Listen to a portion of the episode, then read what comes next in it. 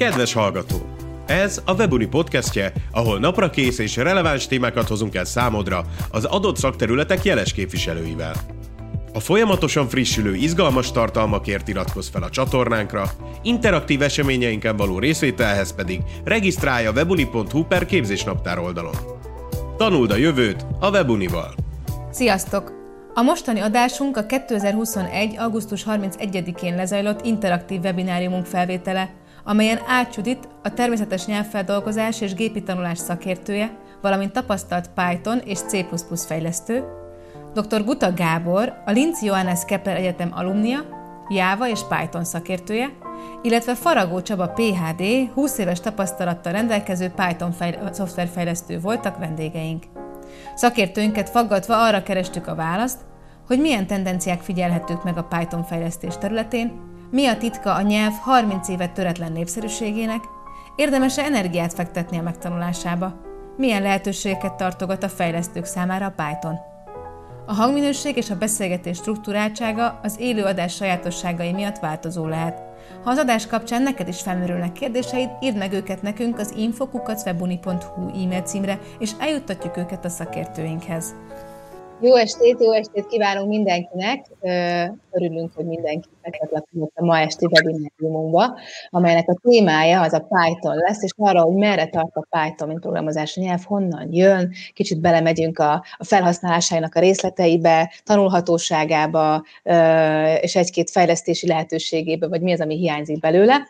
Én Rétfalvi Flóra vagyok a Webuni színeiben, és a ma esti beszélgető társaim igen érdekes területekről jönnek. Judit, Gábor és Csaba lesznek ma este akikkel ezeket a kérdéseket fogjuk boncolgatni. Néhány technikai információ, mielőtt belemennék abba, hogy a beszélgető partnereket bemutassam, hogy nyugodtan ér kérdezni, tehát nyugodtan tegyétek fel a kérdéseiteket kommentben, Facebookon, meg a YouTube-on, mert azokat mi élőben látjuk, és akkor beemeljük a mi kis beszélgetésünkbe, rögtön tudunk is rájuk válaszolni, illetve hogyha bármilyen technikai kérdés merülne föl a részletekről, akkor tudtok nekünk e-mailt is írni az infokukacwebuni.hu e-mail címre, amit akár utólag is meg tudunk nektek válaszolni. Um, Úgyhogy szerintem akkor vágjunk bele, én mindjárt be is mutatok itt mindenkit, illetve ö, még azt hadd mondjam el, hogy alapvetően ez a beszélgetés ez miért is jött létre. Uh, ugye mi itt a Webuninál hiszünk abban, hogy a tudás az mindenkié, és igyekszünk keresni és kutatni azokat a releváns témákat, amelyik, amelyeket nektek elhozunk, ezzel is egy jövőbiztos tudást adva nektek, és olyan szakértőket hozunk és szólaltatunk meg, akik ezt tanítják, tanulják, művelik ezt, ezt, ezt szakmát, és a való életben is ezzel foglalkoznak foglalkoznak, úgyhogy igyekeztünk ma is ezeknek az általunk felállított elvárásoknak eleget tenni, és nektek ezt a, az izgalmas témát izgalmas szakértőkkel kibeszélni. És akkor most rögtön rá is térnék arra, hogy Judit Gábor és Csaba honnan is érkezik.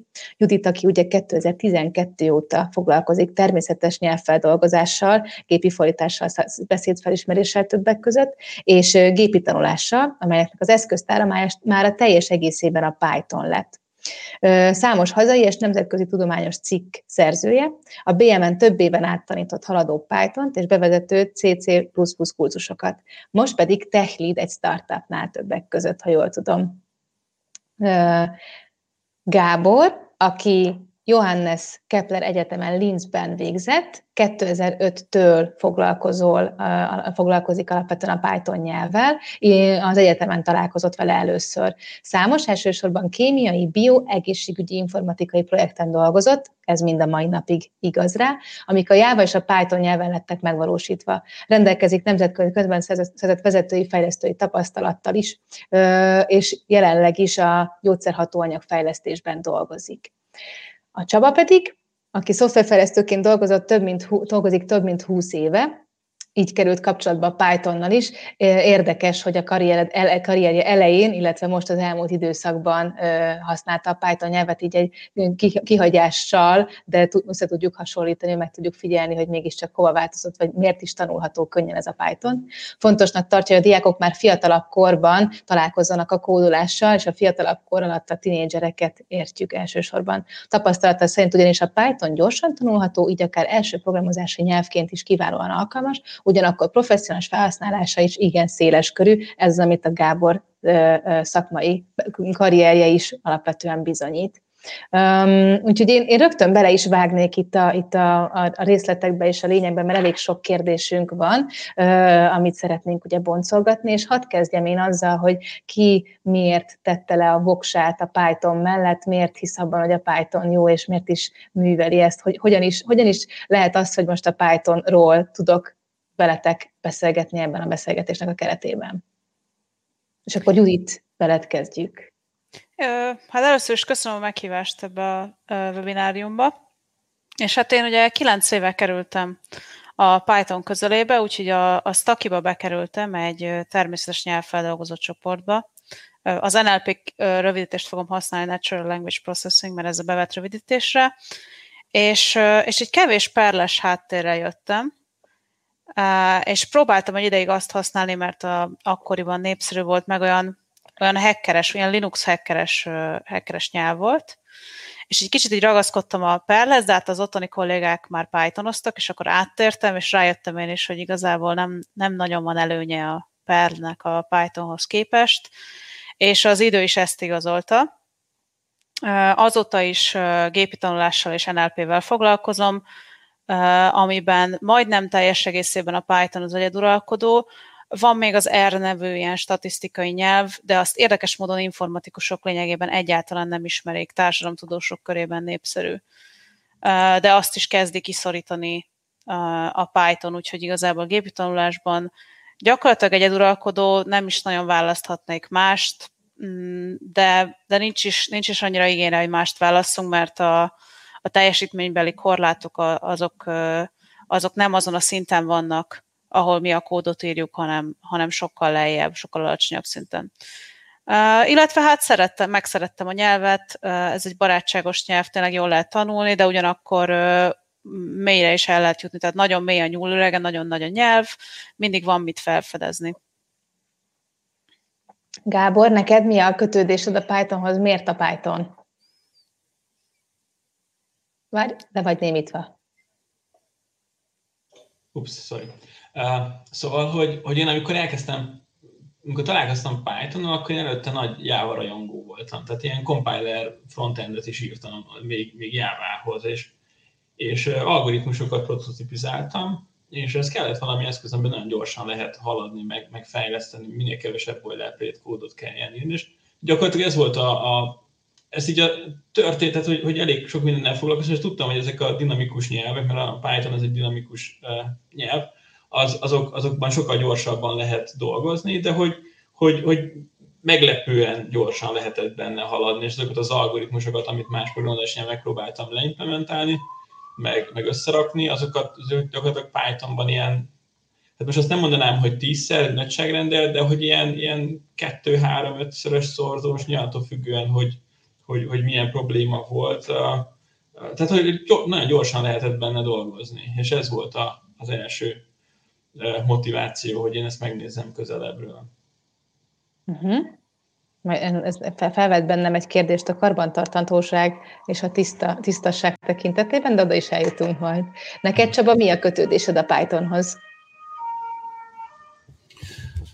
Tehát, amint említetted, én körülbelül 20 éve vagyok a pályán, és alapvetően, amikor a Pythonnal kapcsolatba kerültem, az úgy volt, hogy kaptam egy feladatot, és megmondták, hogy na most akkor ezt Pythonba kell elkészíteni. Ugye először ez 2005-ben volt, mondtam, hogy én Python most hallom először, azt nem baj, tanulja meg és csinálja meg a feladatot, és tényleg ez olyan volt, hogy megtanultam és megcsináltam a feladatot. Tehát nem az van, hogy akkor most visszaülök a iskolapadba is akkor kérek egy évet, hogy megtanuljam, hanem ez tényleg gyorsan történt. Illetve az elmúlt mondjuk egy évben, szűk egy évben programozok szinte folyamatosan Pythonba, és itt is ez volt, hogy kaptam egy feladatot, és azt mondták, hogy akkor ezt Pythonba kell megvalósítani. És itt um, tapasztaltam, hogy gyorsan, um, át tudtam ismételni, ugye azért koptak az emlékek, úgyhogy át kellett ismételni, és tényleg gyorsan lehet vele haladni. Illetve még, a, amit említetted, hogy a gyerekeknek való programozás oktatásban is valamilyen szinten így részt veszek, főleg amiatt, mert vannak megfelelő korú gyerekeim, és Scratch-et tanítottam nekik, illetve most, hogy a scratch már egy kicsit túl vagyunk, akkor gondolkoztam, hogy mit lehetne, és a legegyszerűbb tényleg a Python. Tehát a mai programozási nyelvek közül, amelyek úgy népszerűek, egyértelműen a Python. És most annak érdekében, hogy először így a, a múlt, meg a fejlődési ív, meg ezt, ezt, ezt a kérdéskört vegyük végig, mielőtt még áttérünk itt a felhasználhatóság és a jövő kérdéseire. Azt mondtad, hogy ugye 20 évvel ezelőtt is volt, vagy 15 évvel ezelőtt is volt egy projekt, ahol meg kellett tanulni a Python, de ugye az előző háttérbeszélgetésből azt is mondtad, hogy nem nagyon tudnád összehasonlítani azt, hogy akkor milyen volt, és azt, hogy most milyen. Egyedül az, az egy, a, a, a biztos a kettőben, hogy nagyon tanul, könnyen tanulható volt. De ez a könnyen tanulhatóság ezután el is kopik, és ki is hullik, és ezért kellett újra tanulni, vagy, vagy, vagy adott esetben ennyire új, újdon, új, új, újnak élted meg a nyelv nyelvet, és ezért kellett újra tanulni. Hát annyi, hogy 15 év telt el annélkül, hogy használtam volna, tehát ez olyan, hogy az ember bármit csinál, azért 15 év alatt megkopik a tudása, és itt persze körülbelül tudtam, de a programozásnál nem elég körülbelül tudni, hanem pontosan kell tudni, pontos szintaxis. Tehát a fő szintaxisra emlékeztem, de azért át kellett nézni a, uh-huh, uh-huh. a dolgokat. Annyi, hogy akkor egészen más jellegű volt a feladat, tehát ö, olyan szempontból is nem teljesen összehasonlítható, hogy az egy olyan alkalmazás volt, aminek ö, ö, volt egy minimális grafikus felülete, ö, és néhány funkciót végre tudott hajtani, most pedig inkább ilyen nagyon, eléggé adatorientált. Uh-huh. És mi hívta életre? Mik, melyek azok az igények, ami miatt a Python egyáltalán ki tudott alakulni? Hát ugye utána néztem a Python múltjának, a, még a 80-as évek legvégére datálódik, akkor kezdte el fejleszteni a fejlesztője, 90-es években jöttek ki a első publikus verziók. Én azt gondolom, hogy a, egy átlagos magyar fejlesztő azért úgy 2000 alatt, tehát 2000 előtt, tehát az 1000 forduló előtt nem igazán találkozott vele, tehát ennek egy elég hosszú éve van és az elsődleges oka, ami miatt a fejlesztő ezt így kitalálta, az pont az, hogy a könnyű legyen fejleszteni, gyorsan lehessen egyrészt megtanulni, másrészt kódot írni benne. Mindez a sebességnek a rovására. Ugye ne felejtsük el, hogy a 80-as évek végén vagyunk, ugye az akkori uralkodó nyelvek a CC++, amit azért elég nehéz mondjuk a Pythonhoz képest azért nehezebb megtanulni, és mm, viszont, hogyha például mondjuk mind a mai napig, hogyha tényleg minden nanoszekundum fontos a futásidőben, akkor nem jó választás a Python, de egy átlagos esetben, ugye az elmúlt 30 évben azért fejlődött annyit a hardware, hogy már nincs, tehát az, hogy a, tehát ennek az egésznek az ára, hogy lassúbb, az már nem annyira jelentős, viszont az, hogy gyorsan lehet, gyorsan meg lehet tanulni, és gyorsan lehet benne fejleszteni, ez viszont egy olyan óriási előnyél vált, hogy mára már ez a legnépszerűbb programozási nyelv. Tehát ugye 2000 ezredforduló környékén szerintem akkor érhette el ugye a átlagos fejlesztő küszöbét, hogy egyáltalán hallott róla, és akkor úgy szépen fokozatosan nőtt ez, tehát néhány százalékot elérte, és nem egy ilyen robbanásszerű fejlődés volt, hanem ilyen nagyon lassú, fokozatosan elérte azt a szintet, hogy a Java, felnőtt, felnőtt a Java, illetve a JavaScript szintjére, ma már egy kicsit át is vette a vezetést, de úgy fejfej mellett megy ez a három. Ugye belemegyünk a, a, a különböző fejlesztői keretek és nyelvek hálójában, hol van a Python, de Gábor, te neked még van, vagy a, a történelemnek miért fontos a fejlődés, az, az, az, az hozzád kapcsolódóan beszélgetünk előtte. Azt szeretném kiegészíteni, hogy ugye a, a, a Pythonnak volt egy előzmény nyelv, egy ABC nevű nyelv, amit azért fejlesztettek egy ilyen egyetemi kontextusba, hogy hogy tényleg nagyon sok kutatást beleöltek abba, hogy minél olvashatóbb legyen, és ez egy annyira uh, ilyen nagyon jól olvasható lett, hogy, hogy gyakorlatilag használhatatlan volt a másik oldalon, mert azok a, a tipikus dolgok, amit a kézre áll egy nyelv, az hiányzott, és gyakorlatilag ez annak a kettőponulás változat, a Guido nekiült még egyszer, és megpróbálta egy picit pragmatikusabban megoldani a különböző problémákat, ami, ami hiányosság volt abba hogy, hogy jól olvasható volt, de használhatatlan volt, hogy hiányoztak belőle funkciók, azokat az ő pragmatikusan megpróbálta áthidalni. Tehát, hogy ez, ez, egy, ez egy dedikált kísérlet volt arra, hogy csináljunk egy nagyon jól olvasható valamit. A, a másik, amit, amit egy picit challenge állítást, az az, hogy, hogy, hogy, hogy lassú, és hogy igen, ezt ismerjük, hogy a, amikor arról beszélünk, hogy C Python implementáció, hogy van a nyelv, és van egy megvalósítása, ez a referencia implementációja ugye a Pythonnak a C Python, és az köztudottan, ezt nagyon jól mondta a Csaba, hogy ez egy 70-szer, 100-szor lassabb, mint egy, mint egy direktben futó C kód, akkor, akkor azt is hozzá kell tenni, hogy vannak megoldások arra, hogy hogyan lehet bizonyos részeket fel gyorsítani. Tehát például létezik egy Numba nevű csomag, amivel ha annotálom az adott függvényeket, akkor lefordul natívra, és gyakorlatilag olyan funkciója is van már ennek a csomagnak, hogy GPU-ra lefordítja, tehát hogy, hogy nagyon gyors, nagyon sokat is lehet gyorsítani rajta. Illetve a másik része az az, hogy, hogy ezt nagyon sokszor ilyen glue logic-ként használják. Itt a háttérbeszélgetésben ugye a Judit is említette azt, hogy, hogy, hogy különböző library-ket használnak, hogy azok meg nagyon sokszor gyakorlatilag valamilyen natív fordított nyelvbe vannak megcsinálva, C, C++, stb. És gyakorlatilag e fölé egy ilyen, egy ilyen burkoló, vagy könnyen használható felületet adnak.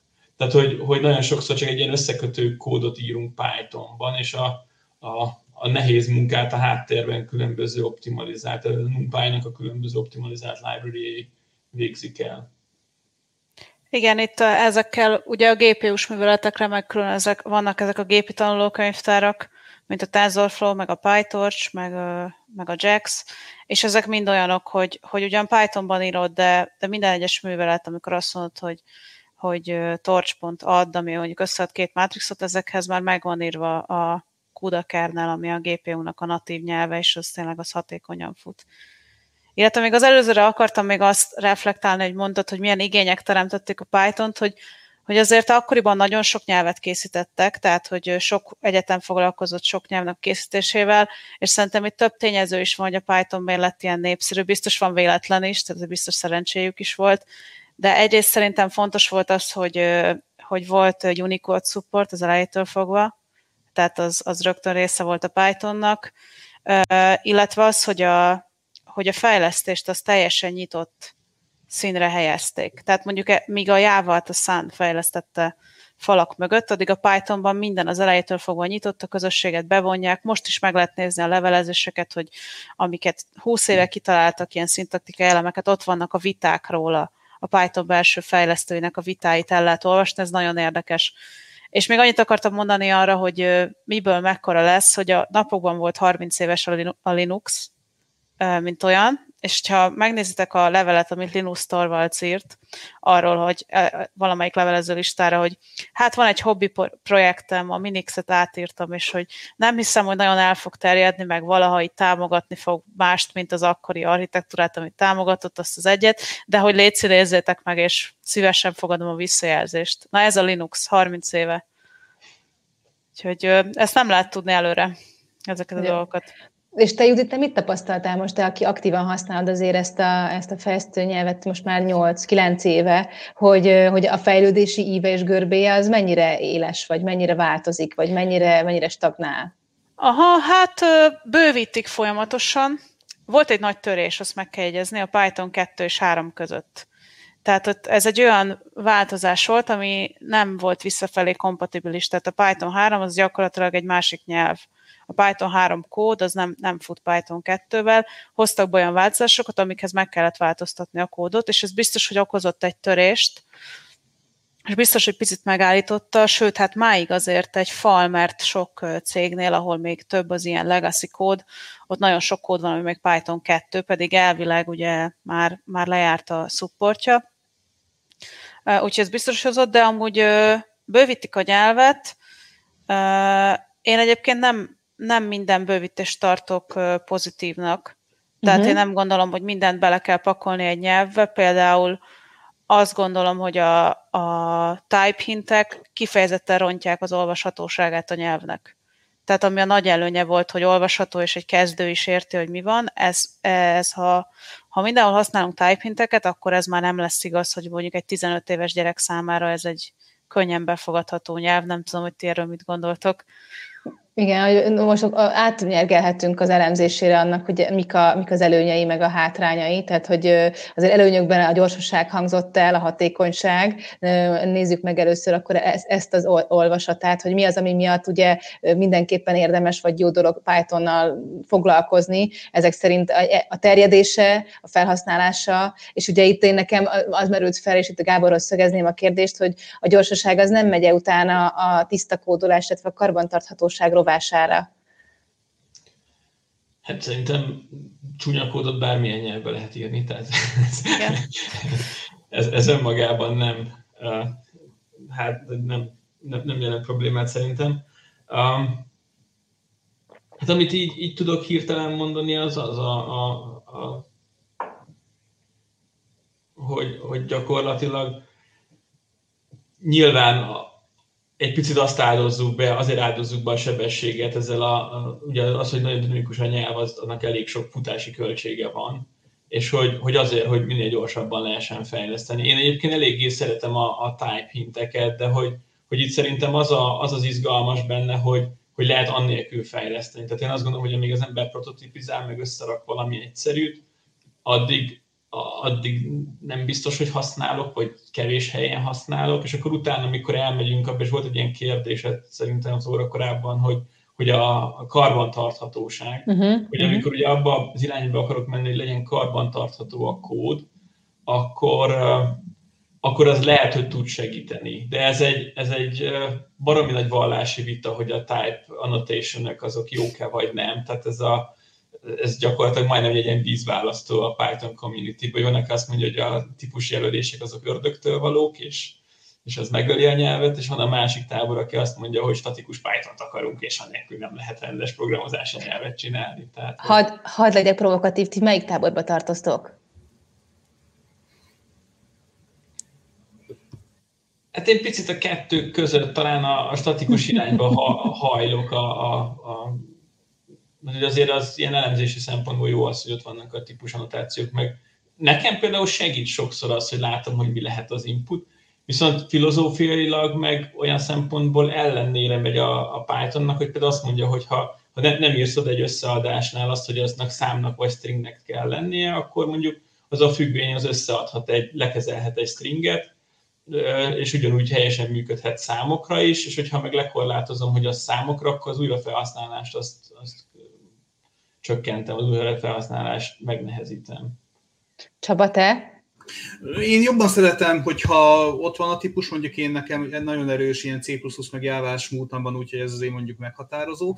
Én nekem egyébként az a tapasztalatom ezekkel a type hintekkel kapcsolatban, hogy hogy ez úgy nincs azért annyira élére vasalva. Tehát odaírom azt, hogy én most azt szeretném, hogy van egy függvény, két szám, mind a kettő integer legyen, majd utána összeadom, és akkor visszatérek a, az eredménnyel. Csak hogy a hívó oldalon én odaírhatom azt is, hogy kutya meg macska, és azt is szépen össze fogja adni, összefűzni, és visszaadja. Tehát, hogy ez csak úgy, ez a type hint, ez nem sokkal több, legalábbis én úgy tapasztalom, hogy nem sokkal több, mint hogyha csak egy komment lenne, hogy most itt azt szeretném, hogy um, milyen típusú igen, ez tök, tök jó Csaba, hogy kiemelted, hogy ez ebben a pillanatban csak uh, informális tájékoztatás, illetve vannak túlok, amik ellenőrzik. Tehát van a, van a MyPy, ami ami mm. tud egy ilyen statikus elemzést csinálni, mielőtt elindítanám a programot, és azt mondja, hogy ez itt hibás, de hogy attól azt a Python megeszi meg, tehát hogy igazából nem, nem foglalkozik azzal, hogy mi van odaírva, amikor fut a futtatási időben. Hát, igen, nekem is. is. Ja. Most mondjad. Én is inkább nem szeretem, mint igen, vagy én inkább nem szeretem, mint igen, a, azért egyrészt, mert hibát lehet benne hagyni, tehát, hogy nincsen semmilyen ellenőrzés arra, hogy ez most jó ez a typing, elve nem is lehet egy ilyen nyelvnél. Másrészt meg szerintem egy kicsit filozófiailag is a, tehát, hogy nem, nem ilyenre lett kitalálva ez a nyelv. És a, a melyek, mert Csaba még azt a kérdést, amiben ugye ez belebonyolódtunk, de hogy az eredeti kérdés az, hogy mik a hátrányai ugye a Pythonnak, és mi az, ami, ami, ami, ami hiányzik belőle, vagy ami nehézkesebbé teszi, és ott a következő, hogy folytassam a kört, az a Csaba, Csaba téged kérdeznélek, hogy neked erről mi a véleményed? Először válaszolnék arra, hogy mik az előnyei, tehát azért úgy, én is ugyanezt elmondanám, hogy ugye mondtad ezt a, hogy mennyire ez karbantartható a kód, tehát hogy a uh-huh. Python az egy nagyon tömör Tehát a kód az nagyon tömör lesz. Mondok egy egyszerű példát, vegyük mondjuk a fájlolvasást. Rákeresünk mondjuk, hogy Jávában hogyan kell mondjuk fájt olvasni, fájt írni, akkor a fájlolvasásra mondjuk találunk hatféle megoldást, az írásra meg nyolcat. Nem biztos, hogy pont ennyi, de úgy nagyságrendileg.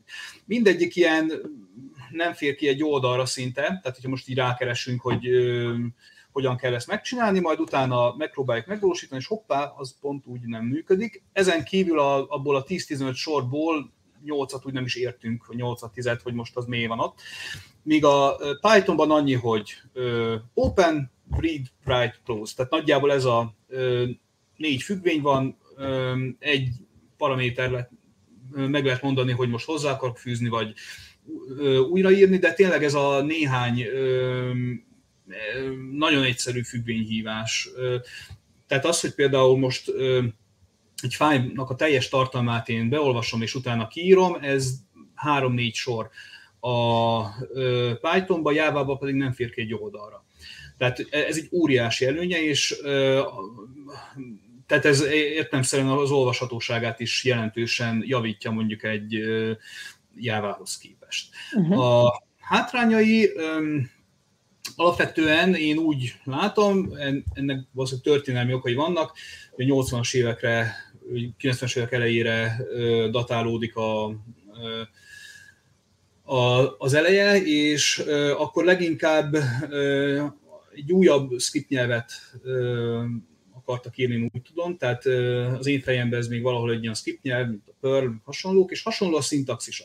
És így belegondolunk, ez jelentősen eltér, tehát hogy ránézzünk egy Python kódra, jelentősen eltér, mondjuk ilyen tegyük fel, hogy távolról is hunyorítva ránézünk hogy egy Java kódra, egy C++ kódra, C kódra, JavaScript kódra, ezek így vannak hasonlóságok. Tehát az, hogy hogy néz ki például mondjuk egy feltétel blokk, vagy maga a feltétel, vagy egy megjegyzés. Az említett nyelvekben, amelyeknek az együttes súlya azért, mondjuk én azt gondolnám, hogy bőven 50% fölött van, egészen más, mint mondjuk a Pythonban. Ezt én azért kicsit ilyen hátránynak gondolom, hogy amikor mondjuk a kettesről a hármasra így váltottak, akkor, hogyha már tény, ugye a fő, főverzió száma váltás az azt jelenti, ez mondjuk egy ilyen konvenció a szoftverfejlesztésben, hogy nem vagyunk fölülről kompatibilisek. Tehát, hogyha én azt mondom, hogy van egy szoftver, amire azt mondom, hogy hármas, és mostantól kezdve négyes, az ott nincs tehát azért váltottam a négyesre, mert a négyes az nem fölről kompatibilis a hármassal.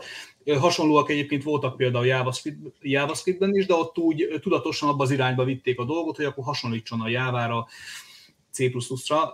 Itt viszont megmaradt ez a script jellege, legalábbis én így, így, így látom, és ez úgy, ha valaki mondjuk megtanulja a, Python-t, és utána szeretne jávázni, vagy még tud jávázni, és meg szeretné tanulni a Python-t, ott azért mondjuk van egy ilyen kis ugrás, amit, amit úgy meg kell lépnie. Nem túl nagy, de azért úgy néha beleszalad az ember.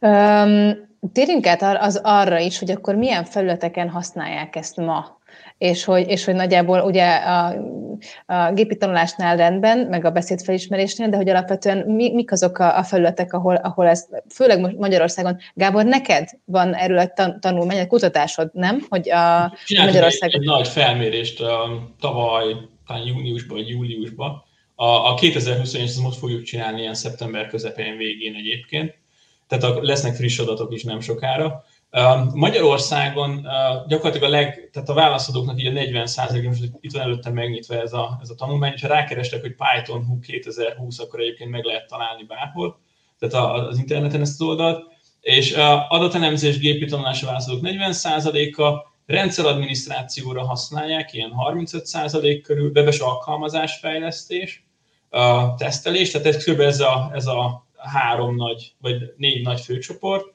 és, és nagyon kevesen használják, tehát ilyen a válaszadók ilyen 18%-a használja a desktop mobil alkalmazás fejlesztése, és uh-huh. beágyazott rendszereknél meg, meg egy ilyen 15% jelölte meg, ez gondolom ilyen, ilyen Raspberry Pi, vagy valami ilyen, ilyen intelligensebb beágyazott rendszerek, mert azért ez futásidőben nem olyan egyszerű. Va- van a válaszadók között olyan, ami számotokra meglepő? Vagy szerintetek minden teljesen egy, egyértelmű, tehát hogy a válaszok azok lekövetik azokat a, a tendenciákat, amiket ti is gondoltok, vagy láttok.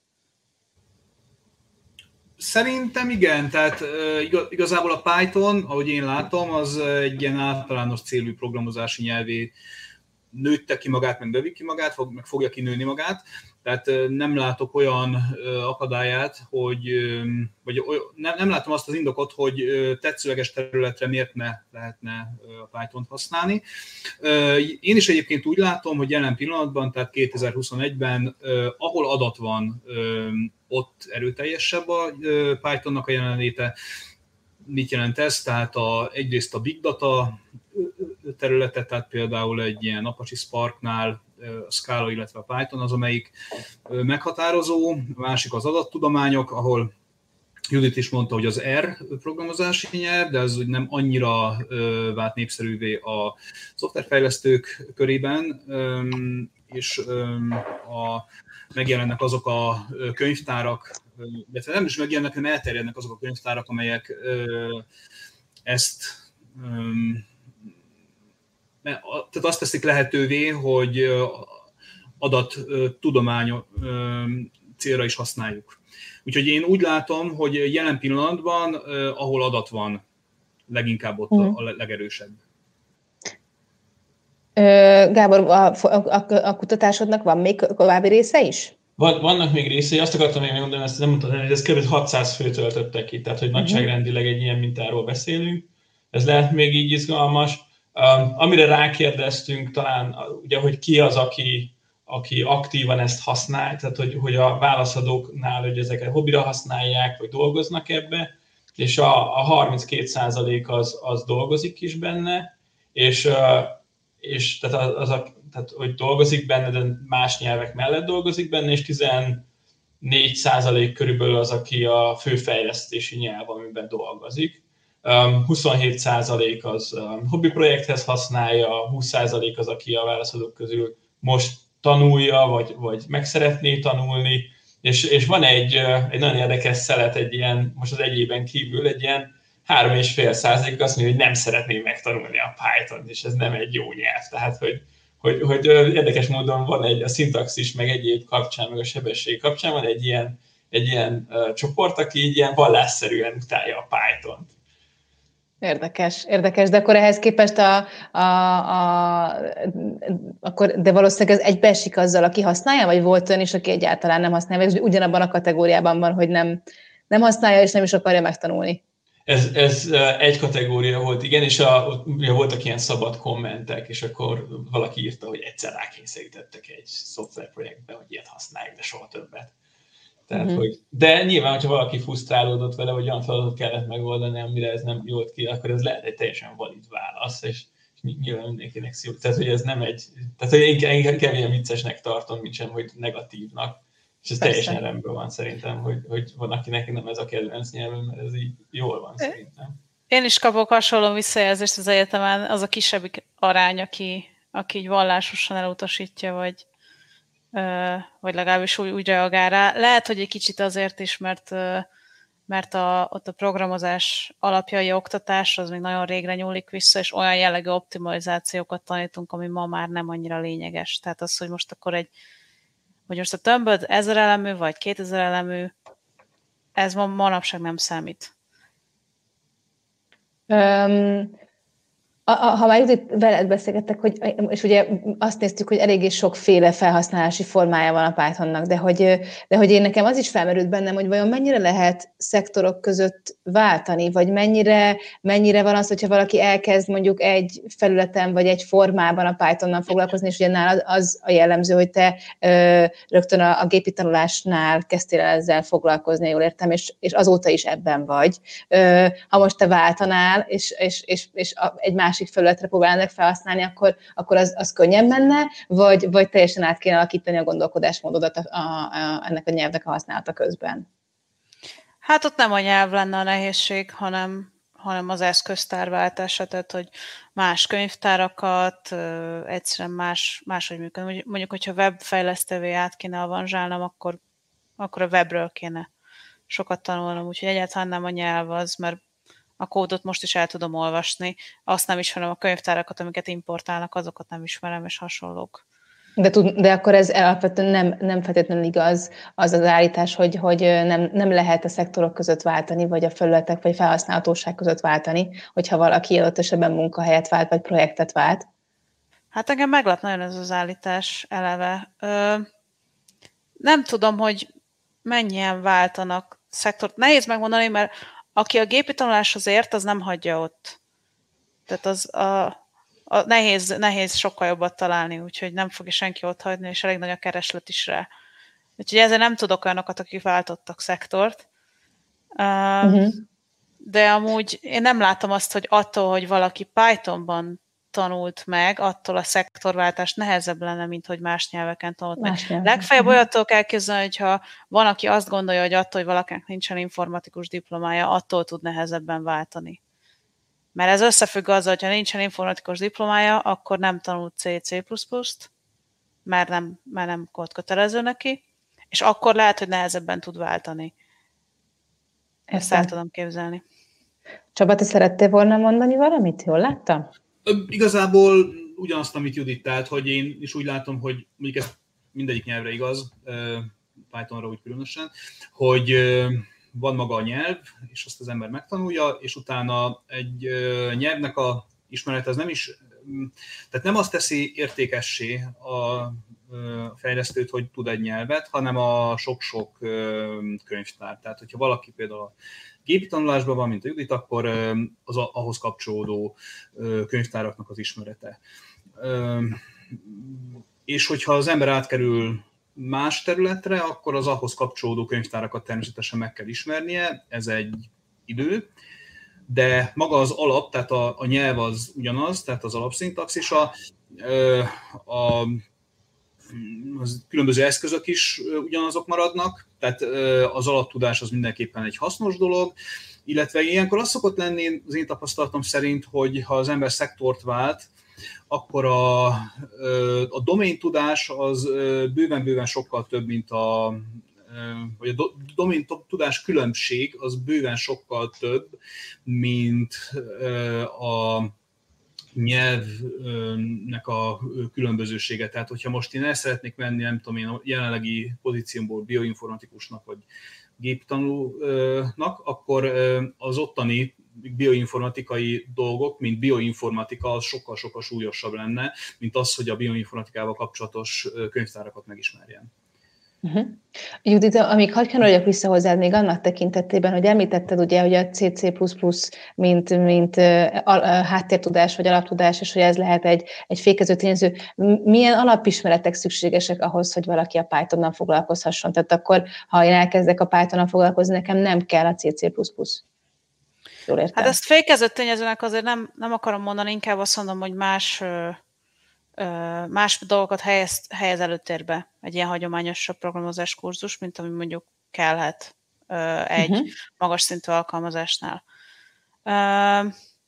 Tehát, fú, Ehhez kérdeztem? Hogy milyen alapismeretek szükségesek hozzá, szerinted? Hát ez a szektortól függ, szerintem a Python az egy eszköz, amivel végrehajtod a feladatot, de hogyha webfejlesztesz, akkor a webet kell érteni, Ismert. hogyha beágyazott, beágyazott fejlesztesz, akkor a hardvereket kell érteni valamilyen szinten, meg az elektronikát, szóval ez, ez inkább a szektortól függ.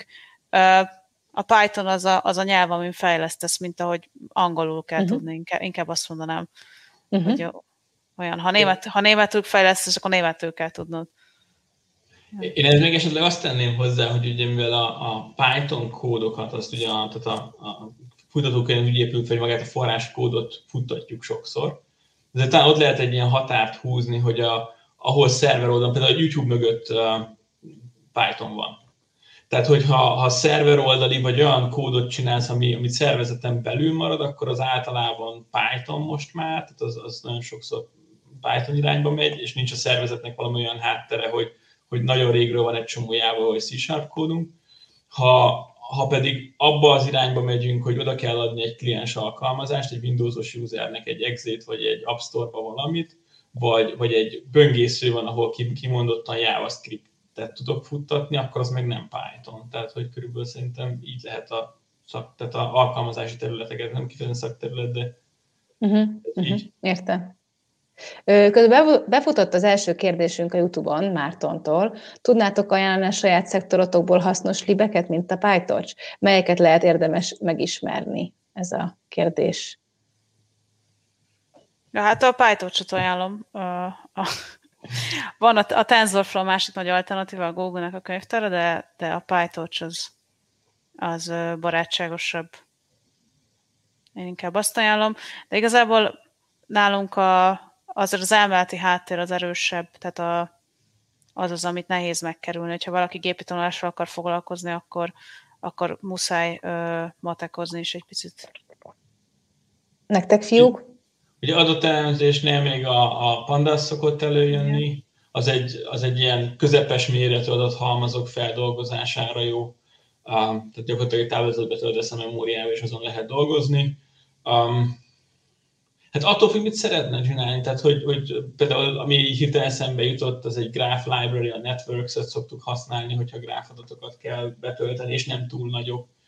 Mert ugye ez is attól függ, hogy ugye már mondjuk Big Data-ba, akkor már nem Pandas-t használunk, hanem, hanem mondjuk PySpark-ot, vagy, tehát hogy, hogy, hogy az annyira eszközrendszer függő, hogy mit, ha a webes fejlesztést csinálunk, akkor most ott talán a Fast API, a, a, ha API-t akarunk fejleszteni, akkor, akkor Fast API, az, ami, ami most menőnek számít, illetve a, a Flask, mint, mint keretrendszer. A, a Django-hoz vannak megírva viszonylag sok előre elkészített um, ilyen CMS jellegű, meg egyéb, tehát hogy, hogy de a Django az olyan picit, mintha kopna ki.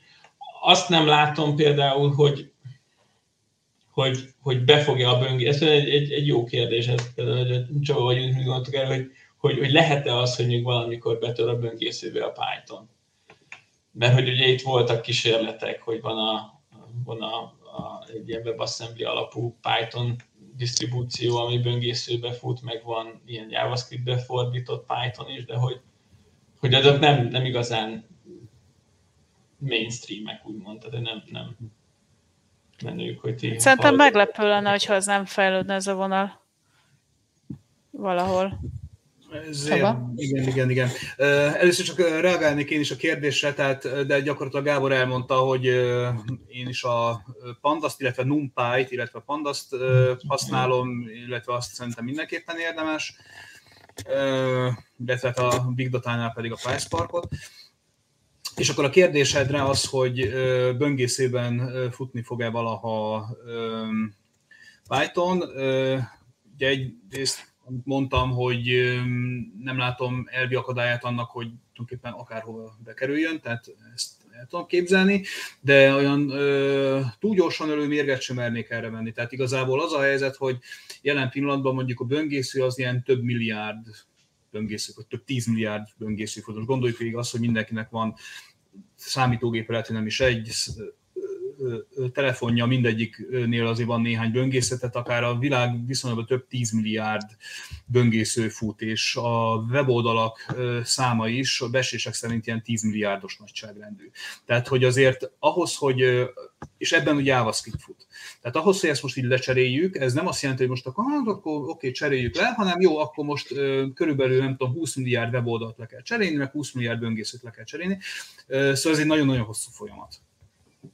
Tehát azért azt gondolom, hogy a, ennek van egy olyan lomhasága, hogy ha a Python azt ö, tehát arra céloz, hogy ő most kiüsse a nyerekből a JavaScript-et, azért az egy nehéz falat lesz.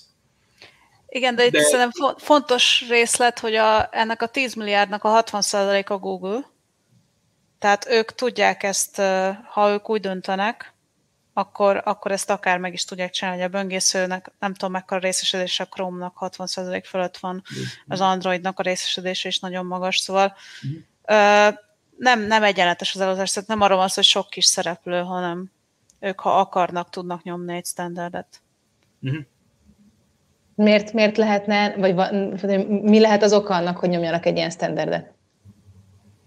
Esetleg több könnyebb találni Python fejlesztőt, mint JavaScript-et ezt nem tudom, hogy így van-e.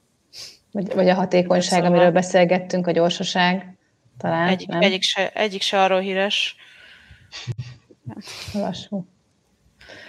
Hát ugye a, a, a, a böngészés környezetben az, az okoz egy picit törést, hogy ugye azt mondjuk, hogy a backendet fejlesztjük Pythonban, a frontendet meg JavaScriptbe, és akkor ha valakinek elkezdünk tanítani, hogy akkor webes alkalmazást fejlesztünk, ami valamilyen ilyen gazdagabb felhasználói élményt ad, mert JavaScript az erősebb benne, akkor, akkor azt kérdezi, hogy és akkor miért tanuljak meg még egy nyelvet a backenden, amikor van JavaScript backendet is uh-huh. fejlesztő, tehát hogy, hogy JavaScriptben megvalósítható backend keretrendszer, és akkor egy nyelvben van az egész. Szóval itt, itt okoz egy ilyen furcsa fragmentációt, és hogyha a webre kilépünk, akkor meg azt látjuk, hogy, hogy egy csomó helyen ugyanakkor a háttérrendszer az Pythonban van megcsinálva, tehát hogy ez egy ilyen furcsa kettősség. Akkor ezek szerint ti nem tartjátok elképzelhetőnek azt, hogy a Python napja leáldozik egyszer? Hát ez érdekes kérdés, tehát erre szintén túl gyorsan mérget nem mernék venni, de az, hogy mondjuk ilyen belátható időn belül ez nem fog bekövetkezni, azért az igen-igen-igen valószínű, ugyanis hogyha így megnézzük a fejlődési ívét, akkor most a 2010-es évek legvégére érte be a, az élbolyt, illetve most már úgy tűnik, hogy a 2020-as években első helyen fogja folytatni, tehát a fejlődése az felfele ívelő, és hogyha, mm, el, hogyha lefele is ívelne, mondjuk nem tudom, 2030-as, 40-es években, akkor is azért van akkor a tehetetlensége, hogy az még nagyon hosszú ideig eltart. Tehát belegondolok, hogy nem olyan régen ö, szembe jött velem Fortran, meg Kobol fejlesztői állás, tehát hogy úgy 2021-ben. Úgyhogy ezek, hogy belegondolunk, 60-70-es évekbeli technológia, de olyan sokat írtak ezekben a technológiában, tehát olyan sok programot írtak, hogy még mind a mai napig fut Kobol kód, fut Fortran kód. Ugyanígy a, nem halt ki, sőt új reneszánszát éri a C++ és én azt gondolom, hogy ha bekövetkezne valami krach, és akkor tényleg így leáldozóban lenne, akkor is azért az, hogy tényleg teljesen el, eltűnjön a sülyeztőbe, az nagyon sok évtized. Én azt gondolnám. Szerintem az, igény, az az igény meg fog maradni, hogy legyen egy, egy olyan script nyelv, amihez nem kell mély informatikai tudás. Tehát, hogy, hogy most már olyanok is vannak, hogy ez ilyen mindenféle CAT szoftverekben, amit más mérnökök használnak, abban pici Python kód snippeteket írnak. Tehát azt tudom, hogy ilyenek már léteznek, és ha nem a Python, akkor valaminek, valami ezt be fogja tölteni mindenképp. Öm, Gábor, te nem akartál mondani valamit, nem? Azt de, De mondani akartam, csak nem akartam már szóval így sikerült Csabával egyszerre megszólalnom. Um, hogy, hogy a Judit említett egy ilyet, a, szerintem egy olyan 20 perccel ezelőtt, hogy ugye a Pythonba bekerülnek olyan feature-ek is, ami nem feltétlenül szükséges bele, és hogy, hogy szerintem egy, egy nyelvre alapvetően két veszély leselkedik mindig. Az egyik az, hogy, hogy a fejlesztők mindig szeretnek ilyen új um, shiny túlokat, tehát ilyen, ilyen csillogó vadonatúj, minél többet tudó túlokat, és ha nem kerülnek bele ilyen új feature-ek, akkor azt se szeretik. A másik pedig az, hogy, hogy belekerülnek olyan új feature-ek, amitől nagyon bonyolult lesz egy idő után a rendszer. Tehát pont a Guido-nak volt erről egy interjúra, ja, hogy, hogy gyakorlatilag a, az, hogy mennyi funkcionalitás van egy nyelvben, az a nyelvnek a, a felhasználó felülete, vagy a kezelő felülete, és hogyha túl sok minden kerül bele, akkor használhatatlanná válik egy ponton túl. Én ezt úgy szoktam mondani, hogy eladdásodik, ugye az adda az egy olyan programozási nyelv volt, amiben eléggé precízen meg lehetett adni dolgokat, de ezért valami bonyolult volt az egész, és ez gyakorlatilag ez volt az egyik fő veszte a, a, a nyelvnek, hogy nem terjedt el, hiába lehetett nagyon jól specifikálni benne dolgokat, meg, meg, meg egy, egy mhm. jól kitalált nyelv volt, de, de valami bonyolult volt, és innentől kezdve ez nem. De Márton a fonalat, mert feltette azt a kérdést, amiről szintén már így félszavakban, de beszélgettünk. Szerintetek van olyan nyelv, ami komoly vetétársa lehet a Pythonnak, például a Go? Nekem, uh, amit itt én a Go-ról ezt nem annyira gondolom, mert a Google háttér ellenére nem, nem tűnik annyira népszerűnek, viszont ami engem lenyűgöz, hogy a, a Rust-nak mekkora kultusza van.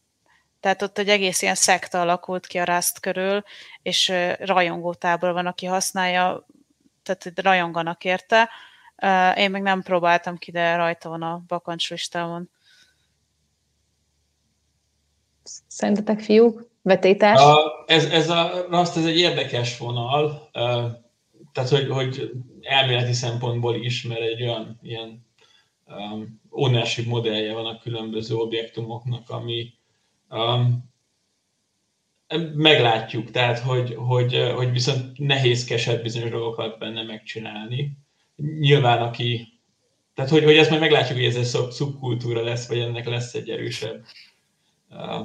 Ezt, ezt a, én azt látom, hogy nagyon sokszor nem azon múl, tehát ezek a változások, ezek nem azon múlnak, hogy, hogy maga a technológia jó-e, vagy a nyelv jó-e, hanem, hanem ilyen teljesen szubjektív dolgokon, hogy ki áll be mögé, van-e hozzá jó ide, van-e hozzá jó library tehát egy, egy csomó ilyen, ilyen apróságon múlik, ami, ami egy ilyen, ha elér egy tömeget, akkor elkezd. Én picit a Pythonnál azt is érzem, hogy most ilyen talán túl van hype de, de nyilván egy jó nyelv, meg szeretjük, csak, csak né, néha már ugye, a, a, nem, nem tudom, valahogy addig kényelmesebben éreztem magamat, míg ez top 10-ben benne volt, de nem ez volt a legnépszerűbb nyelv, és akkor most már szinte csapból is ez folyik sokszor, hogy na akkor Python, és pont amit a Judit említett, hogy, a, hogy szorít ki más nyelveket, az ERT egy ilyen fél év vagy éve került elém egy survey ilyen data science területen, hogy hogy igen, gyakorlatilag az ERT azt így megölhetett, tehát hogy a,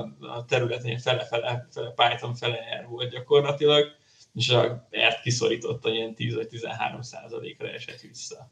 És ők a társ, de az az érdekes, hogy a társadalomtudósoknál ott viszont 90 százalék R. Tehát ott csak mondtam valamit, de hogy ott még mindig az R a népszerű erre valakinek én azt mondta, hogy egy kicsit ilyen háttérinfo, hogy, hogy attól függ, hogy milyen gondolkodásból jössz. Tehát ha ilyen matematikai, statisztikai gondolkodásból jössz, akkor az R az közelebb esik, ha, ha ilyen procedurális programozói, akkor meg a Python az, ami... Nekem is így tűnt, amikor látom az R kódot, nekem is nagyon, nagyon idegen. Igen. Csaba? Uh, Juditra reflektál, hogy azért szektából ritkán lesz világvallás. Uh, én inkább azt gondolnám, mondjuk a gót nem ismerem, meg mi is volt, amit te mondtál? Uh, igen, na, arról nem is hallottam.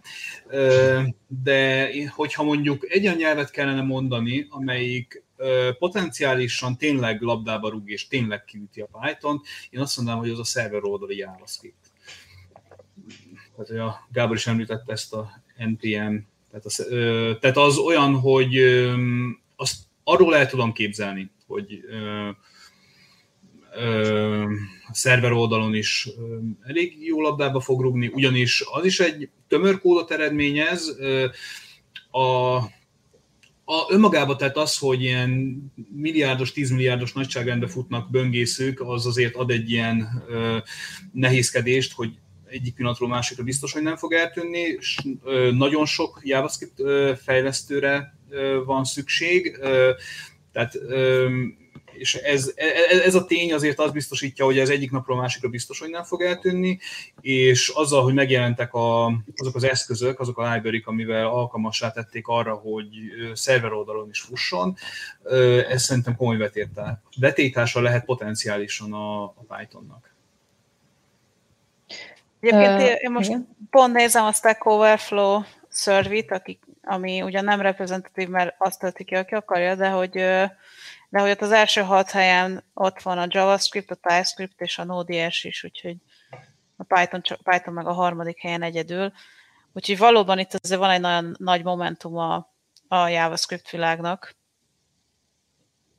Ezt mi is tapasztaljuk, és mi is látjuk alapvetően, hogy ez tényleg egy nagyon, nagyon mindenki által kedvelt, keresett és, és tanul, tanult nyelv.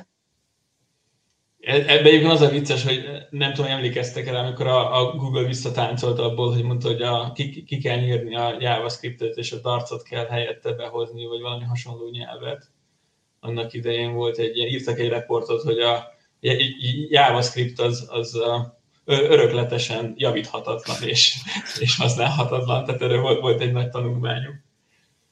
És akkor végül azt mondták, hogy maradjon a JavaScript, meg valahogy megpróbáljuk megjavítani. Hát lehet, hogy most épp a Python tervezik a helyére berakni, ki tudja. Meg, meg, meghallották a beszélgetésünket, igen. Csaba, te mit szerettél volna hozzáfűzni ehhez? Ja, igazából csak annyit, hogy mit jelent az, hogy egy programozási nyelv népszerű, tehát hogy ezt hogyan mérik. Tehát most így mondjuk azt, hogy a Java, JavaScript meg a Python, ezek most ugye ott vannak fejfej mellett. Tehát nagyon sok, illetve van néhány mérőszám, amit Judit is mondott, hogy például Stack Overflow valami felmérés, vagy akár a Stack Overflow az új kérdések, GitHubon mennyi commit van, hány új nyitott pozíció van, és akkor ezek azért úgy elég jó korrelálnak egymással. Tehát, hogyha sok kérdés van a Stack Overflow, az azt jelenti, hogy sok meghirdetett pozíció van a, a piacon, és itt vannak így fejfej mellett ezek a, ez a három programozási nyelv nem is tudom, még volt valami, most hirtelen mit eszembe, a Gábor mondott valamit, de majd akkor eszembe jut, akkor elmondom, ha még nem, akkor nem fontos. Még most azért a vége felé közeledünk már az időnknek, úgyhogy még a közönségnek most még figyelmébe ajánlom, hogy ha van kérdés, akkor nyugodtan kommentben írjátok meg a YouTube vagy a Facebook csatornán, tehát hogy azt látjuk mi élőben, úgyhogy tudunk rá válaszolni, és addig is, amíg adott esetben beérkezik egy-két utolsó kérdés, addig én addig hagyd tegyem fel egy kicsit kikanyarodva, de mégis ehhez kapcsolódóan azt a kérdést nektek, hogy mi az a tanács, amit az önmagatoknak adnátok, amikor elkezdtetek a Pythonnal foglalkozni? Mi az a, az a jó kívánság, amit az a junior, vagy hát legalábbis Python tekintetében junior éneteknek mondanátok, uh, hogyan is érdemes ehhez hozzá kezdeni. Nem tudom, kinek van meg. Kodok, arcokat látok. Igen, igen, igen. Az, hogy mit adnék az 15 vagy nem tudom hány év ezelőtt önmagamnak, arra most nem biztos, hogy tudnék válaszolni, de a kérdés átfogalmazására igen. Tehát, hogyha az embernek már van néhány évtizedes múltja, és tud néhány programozási nyelvet, akkor tehát elég elővenni például a V3 School-nak a tananyagát, és azon tényleg így egy-két óra alatt végig lehet menni, és utána, hogyha van valami konkrét library, azt külön megtanulni, ami szintén akár ilyen pár óra hossza.